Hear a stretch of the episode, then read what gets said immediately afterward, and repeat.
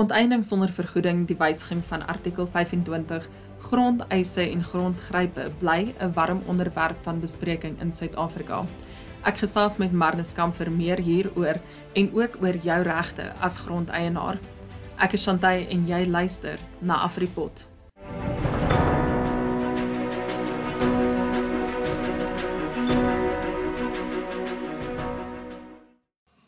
Marnus, welkom terug in die Afripot ateljee. Dankie Shantay, altyd 'n voorreg. So ons gaan vandag 'n bietjie gesels oor grondonteiening en grondeise. Ons het al voorheen gepraat oor grondgrype, maar kan jy gou weer vir ons die ehm um, definisies duidelik maak oor uh grondgrype, grondonteiening en grondeise? Dis 'n baie goeie vraag en uh dis 'n ding waaraan baie mense dink want nou hoor hulle hierdie begrippe, maar waar pas elkeen in? Kom ons begin by wat 'n grondeis is. 'n Grondeis en ek gaan dit regtig so 'n maklik definieer as, as moontlik. Ek gaan nie eens die wetgewing daarbey betrokke maak nie. 'n Grondeis is 'n individu of 'n groep individue dan 'n eis insit op 'n stuk grond. Maar dan moet uit die aard van die saak aan baie faktore voldoen word, um, vernaamlik dat 'n stuk grond byvoorbeeld deur die apartheidswetgewing deur hulle of by hulle ontneem is. En hulle moet dan die bewyse ook daarvoor gee en sê luister my mense het hier gebly, hier is die bewyse daarvan en ek eis nou hierdie stuk grond. Dis 'n grondeis.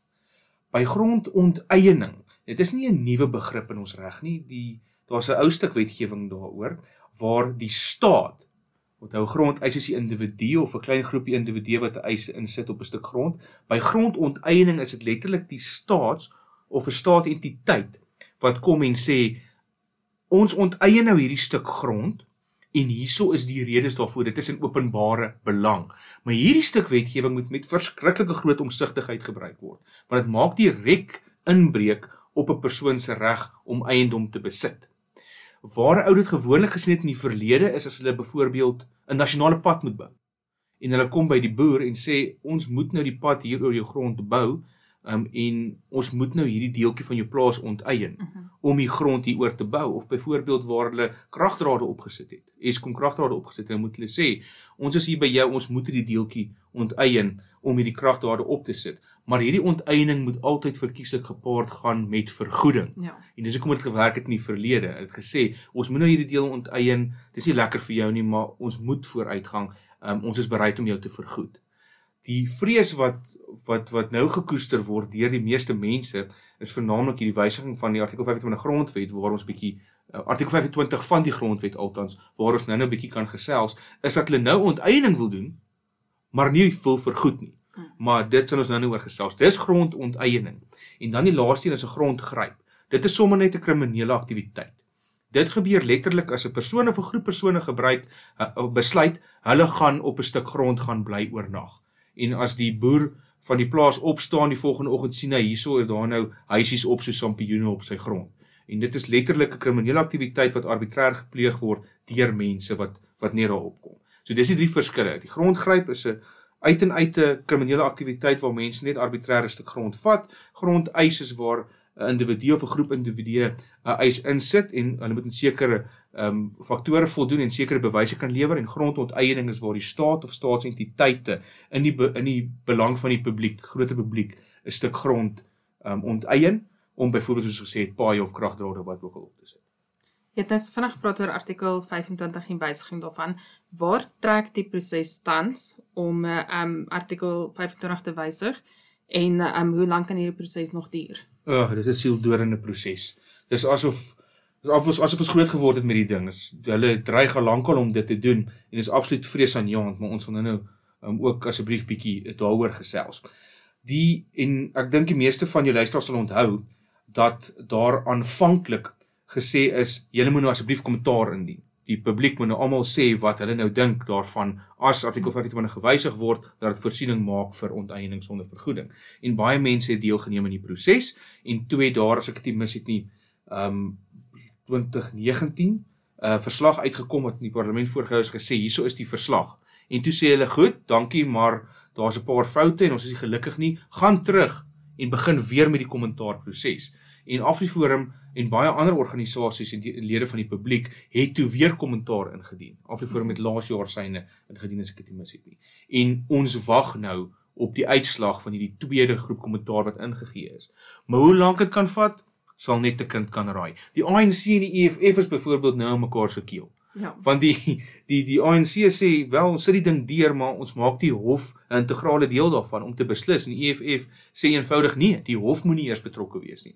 Daar moet ander besluitnemers wees. So die bekleierery tussen daardie twee faksies wat die groot voorstanders is van hierdie wysiging op artikel 25, ehm um, as hulle mekaar uitgesorteer het eendag, sal 'n ou kan kan verder gaan en kyk in watter rigting die ding gaan, maar om 'n tyd daaraan te koppel, ek voel myself nie so verstout nie. Watter implikasies behalwe nou die voor die hand liggende is daar vir grondeienaars wanneer dit kom by onteiening sonder vergoeding? Kom ons sê en Afriforum sal aanhou beklei daarteen saam met baie ander organisasies. Dit dit is dit is 'n dis 'n verskriklike ding as daar 'n grondwet staan en dis duidelik in die voorhande wat sê en artikel um, 7 as ek dit mis het nie ook en artikel 9 nee artikel 9 sê gelyk is dis artikel 7 alles moet gemeet word aan die grondwet. Die grondwet staan hy is die oorkoepelende stuk wetgewing. Um dit rule of law noem die Engelsman dit. Niks wat die staat doen um niks wat die mense in die publiek doen niks wetgewing wat geskryf is kan teenoor hom staan nie. Alles moet voldoen aan die grondwet So mense moet gelei word hierdie grondwet en ons het 'n ons het 'n indrukwekkende grondwet as uit vergelyk met die res van die wêreld. Maar ongelukkig as dit gaan gebeur dat die regering van die dag maklik gou die artikels in die handves van regte kan wysig, dan is ons grondwet maar net 'n papiertier. Ja. Hy lyk baie mooi, maar dit sal dan maar verskriklik wees as ons weet goed, nou on, is hulle besig om te onteien sonder vergoeding en hulle het daai baie belangrike artikel gewysig. Wat wysig hulle volgende? Sommige die reg op lewe, sommige die reg op menswaardigheid. Waar trek hulle die streep? En dit is nou maar die gedagtes wat in wat in baie mense se koppe aangaan. Maar kom ons sê hierdie konsep van hulle gaan deur en artikel 25 word gewysig om voorsiening te maak vir onteiening sonder vergoeding. Stop dit nie by die onroerende eiendom nie. Dit stop nie by plase nie.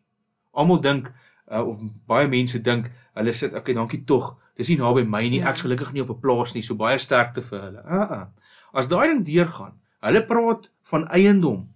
Hulle sê nie landbou eiendom. Mm -hmm. So daai manne kan kom en sê jou strandhuis sien jy gebruik hom nie lekker nie. Ons gaan hom vat. Ja.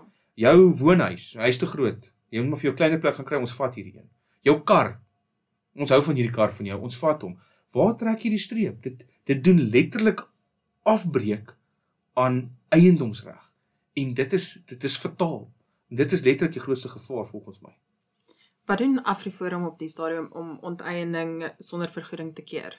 Wel, ons het gesê nou nou het ons laas jaar ons kommentaar en wesenlike kommentaar ingedien waarin daar baie hard gewerk is. En ons wag nou vir die besluit wat weer gegee moet word voor ons dan kan kyk en jy het 'n goeie vraag gevra wat moeilik is om te antwoord dit is hoe lank gaan die ding nog vat?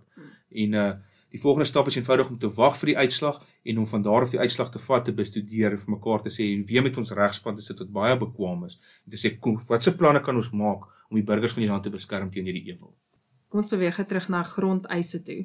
Watter regte het grondeienaars wanneer dit kom by grondeise?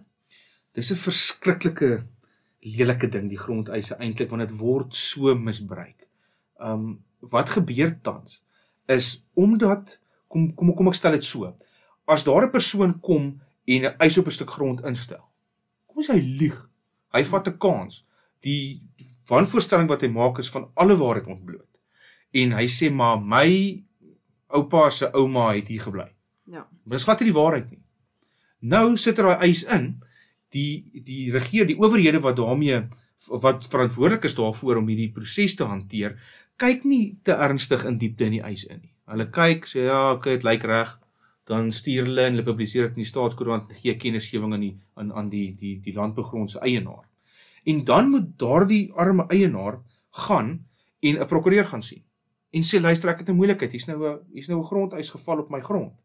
En dan moet daar nou navorsing gedoen word om te kyk hoe het die die grond vererf en van daar waar af kom die grond om 'n verslag saam te stel wat deur deskundiges gedoen word. Onthou, nou moet jy ouens met ligfoto's en jy het professore van elke liewe ding waar jy kan dink wat Jan moet werk want dit moet 'n geloofwaardige dokument wees.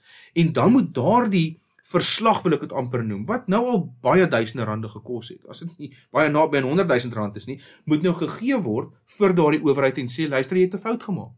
Hierso is die ware toedrag van sake. En dan gebeur dit min dat die owerhede sê o ons het 'n fout gemaak want hulle sê dit was nou nooit erken nie. Al wat hulle sê is o okay ons neem kennis, wel ons gaan aan. En dan moet die ding verwys word na die hof toe. En dan moet daai prokureurs en advokate weer eens deur die arme landbouer betaal word om sy eiendom te beskerm.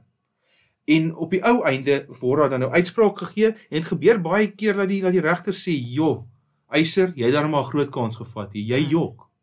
Maar nou het die landbouer die geld betaal en daardie ou wat die vals eis ingesit het, betaal nie 'n sentie. Die staat betaal dit vir hom. Ek kom skotvry. Kom skotvry waar? Waar loop hy? Al wat hy miskien gedoen het is om myn eet te pleeg, maar myn eet word net in hierdie omstandighede um enigstens vervolg nie. Ja. So dis 'n groot frustrasie en 'n ou kan dit amper vergelyk in Suid-Afrika tans met 'n loterykaartjie. As jou as jou vel die regte kleur is, dan kan jy gaan, jy kan beweringe maak, miskien kry jy geld daar uit, miskien kry jy 'n stuk grond daar uit. Wie weet. Maar as jy nie slaag nie, is dit ook goed, want daar's dit nie die nadeel vir jou nie. So dis 'n dis 'n groot frustrasie, maar dis letterlik die die roete wat die landbouers moet volg om die ding net te los en te hoop dit gaan weg. Gaan nie ware toevoeg nie. Vandag gaan hulle in jou afwesigheid daardie ding oorweeg en as hulle besluit daai ou praat die waarheid, dan kan jy dalk jou jou stuk grond kwyt wees en die geld wat jy daarvoor gaan kry is miskien nie eers 'n fraksie van wat die grond regtig werd is nie. Hoekom is dit belangrik dat eiendomsreg beskerm word in Suid-Afrika? dis dis 'n verskriklike goeie vraag en dis 'n verskriklike belangrike vraag ook. En kom ons gebruik 'n voorbeeld. As ek eiendom wil hê, ek wil graag eendag aftree by 'n huis by die see of ek wil graag 'n groter kar koop of ek wil graag 'n huureiendom aankoop om vir my nog 'n passiewe inkomste te skep. Nou moet ek hard werk om geld te kry om hierdie eiendom te koop, om my drome te verwesenlik. Wat doen ek? Ek dink uit die boks uit. Um, ek stel mense onder my aan, ek begin besighede. Ek is 'n produktiewe werknemer by my by by, by my werksplek waar ek nou is om soveel as moontlik geld te kry om daai goed te kan koop. So wat doen ek? Ek is nou besig om in die ekonomie te help bou omdat ek nou hierdie goed najaag. As jy wat soms byvoorbeeld 'n kar het wat ek baie graag wil hê.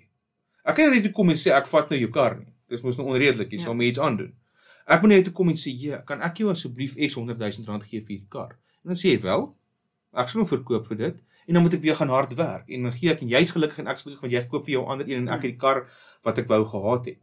Kom ons verander dit nou. Kom ons vat eiendomsreg heeltemal weg. Ek en jy kan niks meer besit nie. Ja, Gaan ons hard werk. Hoekom? maar waarskynlik nie. Nee, hoekom wil ons hard werk? Ons kan nie ons kan nie iets geld doen nie. Ons kan nie ietsie koop nie. Ons kan nie iets besit nie. Dis nag. En waar daar altyd vrede is, want ek wou jou kar gehad het, ek het jou ek het die ding by jou gekoop, jy het jou geld gekry, ek het jou kar gekry. So daar was vrede gewees en die ekonomie het aanhou groei. Nou wil ek iets hê wat in die staat gesetel is. Wat gebeur? Geweld. So eintlik beskerm eiendomsreg baie meer as wat 'n ou dink. En op die ou einde is die hele ekonomie geskoei op eiendomsreg as ou net die simpel voorbeelde in ag neem wat ek genoem het. Ja. Ek wil gou vir jou so ter afsluiting net 'n ander vraag vra. So na Ramaphosa se aankondiging onlangs dat die drempel vir selfopwekking van krag sonder 'n lisensie van 1 megawatt na 100 megawatt gelig is, het die Foster sy hoop uitgespreek dat hierdie aankondiging die politieke uh, waarnysdeur soos hy dit genoem het, um, sal oopmaak en die nuwe insig ook sal oorspoel na die kwessie oor die wysiging van artikel 25. So in jou opinie, is hierdie 'n uh, idilliese blinde hoop om te hê of dink jy dit is geregverdig vir hom om te hoop dat dit oorspoel? Kyk, as die hoop het nie het ons niks. ons werk almal in daai rigting. Maar ongelukkig het die geskiedenis bewys dat die ANC goed doen as dit heeltemal te laat is. Mhm. Hulle moes al lankal hierdie stap geneem het. Dan het ons nie met hierdie absolute nagmerrie van 'n kragnetwerk gesit nie.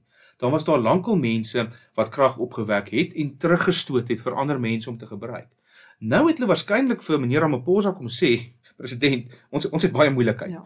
Die winter is op ons en dis dis die begin van die winter. Kyk kyk net wat so vlakke ons in beweeg. Mense gaan baie kwaad raak. Mense gaan jou huis kom afbrand as ek so Ja. ver kan gaan. En hy dink toe en hy sê, "Jo, ek het 'n paleisrevolusie op hande. Uh wat gaan ons doen?" En hy grou daar op sy lesenaar waarvan daar wonderlike idees is wat al uit die uit die industrie in Suid-Afrika gekom het en uit die publiek uit en hy sien, "O ja, hierdie ding moes ek eintlik al lankal gedoen het. Kom ek doen dit gou." Gaan dit by die artikel 25 'n rol speel? Soos ek gesê het nou-nou as ek bevrees die ANC doen die goed as dit te laat is. As hulle aangaan met hierdie ding en in die ja, ek ek wil amper sê die onwaarskynlike geval dat hulle gaan slaag wat ek wil regtig nie hulle moet gaan hulle moet gaan slaag nie ja. en Afriforum gaan hierdie aard van die saak te teenstaan. Maar in die, in die onwaarskynlike geval dan laat dit slaag gaan dit miskien gebeur dat daar begin geweld uitbreek omdat die eiendomsreg heeltemal verskuif word, 'n voorbeeld wat ons nou nog gebruik het, en dan gaan hulle miskien wil sê, "Ooh, dit het nie gewerk nie. Kom ons probeer teruggaan waar ons vandaan kom." So al hierdie goed wat hy doen is goed en wel, ons is baie bly daaroor, maar is goed wat al lankal moes gedoen gewees het. Is daar iets wat jy graag wil byvoeg by die gesprek? Nee, ek het baie lekker gesels met jou. Baie dankie vir die voorreg weer eens, maar dit is so belangrik vir mense om asseblief saam met ons hande te vat. Mm daar waar ons hulle hulp vra want op die ou einde veg ons vir hulle. Ons veg vir hulle eiendomsreg en ons veg vir hulle belange. Martinus baie dankie vir jou tyd. Ons gesels binnekort waarskynlik weer. Dankie Chantel